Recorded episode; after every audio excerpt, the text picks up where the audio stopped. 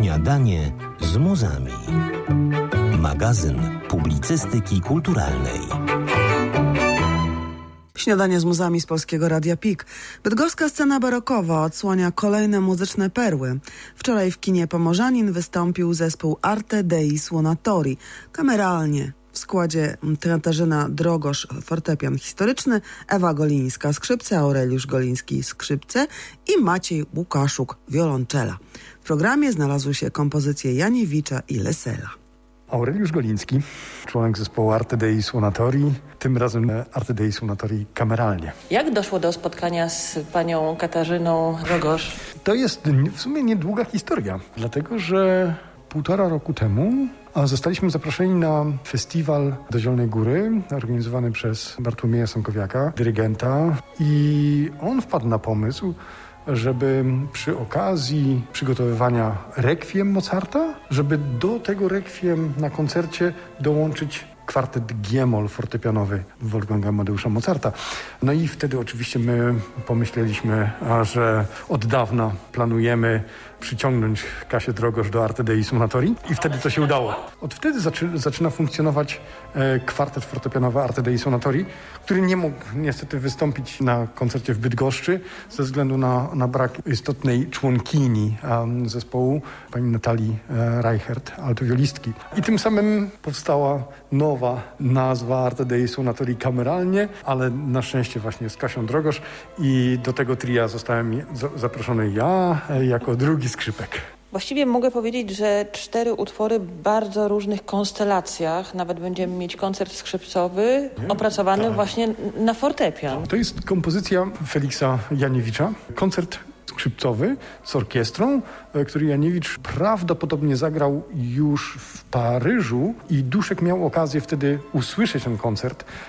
I tak mu się spodobał, że postanowił szybko przerobić go również na fortepian, a Duszek był generalnie znany z tego, że, że lubiał przerabiać nie tylko, nie tylko on. To, to był taki czas, że szczególnie pianiści e, wszystko, co się podobało, przerabiali na, na, na fortepian, tak jak jeszcze 50 lat wcześniej czy 100 lat wcześniej e, lutniści czy gambiści e, robili wersje wszystkich wokalnych utworów e, polifonicznych na swoje instrumenty. Tak w, w tym czasie, w XIX wieku, na, na początku XIX wieku właśnie pianiści pianiści transkrybowali utwory orkiestrowe na, na wersje kameralne właśnie albo na solowy fortepian. Pani Katarzyna Drogosz, jak pani zareagowała na propozycję właśnie współpracy z muzykami z Arte Dei? Entuzjastycznie, bo to jest e, zespół, który uwielbiałam od zawsze, od kiedy mm, w ogóle muzyka dawna na historycznych instrumentach stała się czymś ważnym w moim życiu, więc tak naprawdę to było moje marzenie, żeby zagrać z Arte jeszcze od czasów e, moich e, studiów w Amsterdamie. Pamiętam, że wtedy wtedy bardzo wyraźnie śledziłam właśnie tak z oddali te sukcesy, które święcili już tutaj w Polsce i za granicą.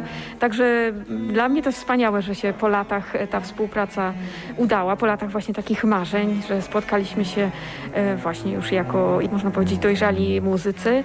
E, wydaje mi się, że to jest też związane właśnie z tą chęcią rozszerzenia repertuaru, bo tak jak pewnie Arek wspominał, e, jak głównie interesuje się tym repertuarem już nieco późniejszym, klasycznym, wczesnoromantycznym i właśnie taką muzykę eksplorujemy na dzisiejszym koncercie. Skąd w ogóle zamiłowanie do gry na fortepianie historycznym? E, Początkowo w ogóle wbrew wszystkim profesorom, bo to się wydawało coś zupełnie szokującego, żeby grać na takich nietypowych, jak wtedy uważano, instrumentach i dziwnych. Natomiast rzeczywiście mnie odkąd pamiętam interesowała muzyka właśnie w takim ujęciu jakby historycznej świadomości poszczególnych stylów. Studiowałam też y, grę na klawesynie, ale te dawne fortepiany stały mi się najbliższe właśnie przez tę bliskość ze stylem klasycznym, wczesnoromantycznym.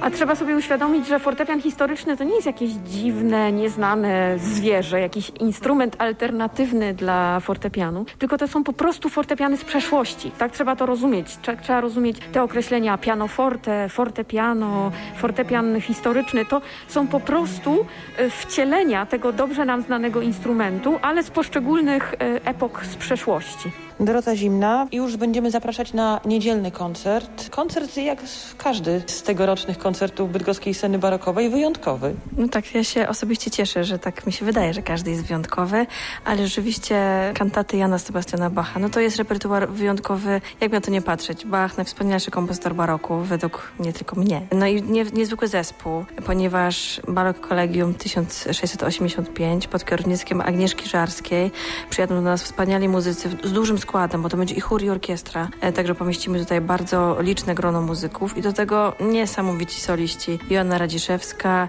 e, Thomas Lightcap, e, Margot Otzinger i Peter Koy, na których go płytach ja się wychowałam. Także ja już sama nie mogę się doczekać tego koncertu. Wszyscy soliści to soliści, których nazwiska są znane na całym świecie właściwie. E, Znana na całym świecie. Ja tu się cieszę nie tylko z tego podkreślenia tego Petera Koya na końcu, ale po prostu to jest rzeczywiście nazwisko, które znam z płyt jeszcze jako trochę młodsza osoba. Natomiast chociażby Joanna Radziszewska, która śpiewa no po prostu wspaniale, jest takim niesamowitym głosem i osobowością artystyczną, więc myślę, że całość e, właśnie pod kierownictwem Agnieszki Jarskiej to będzie naprawdę uczta duchowa.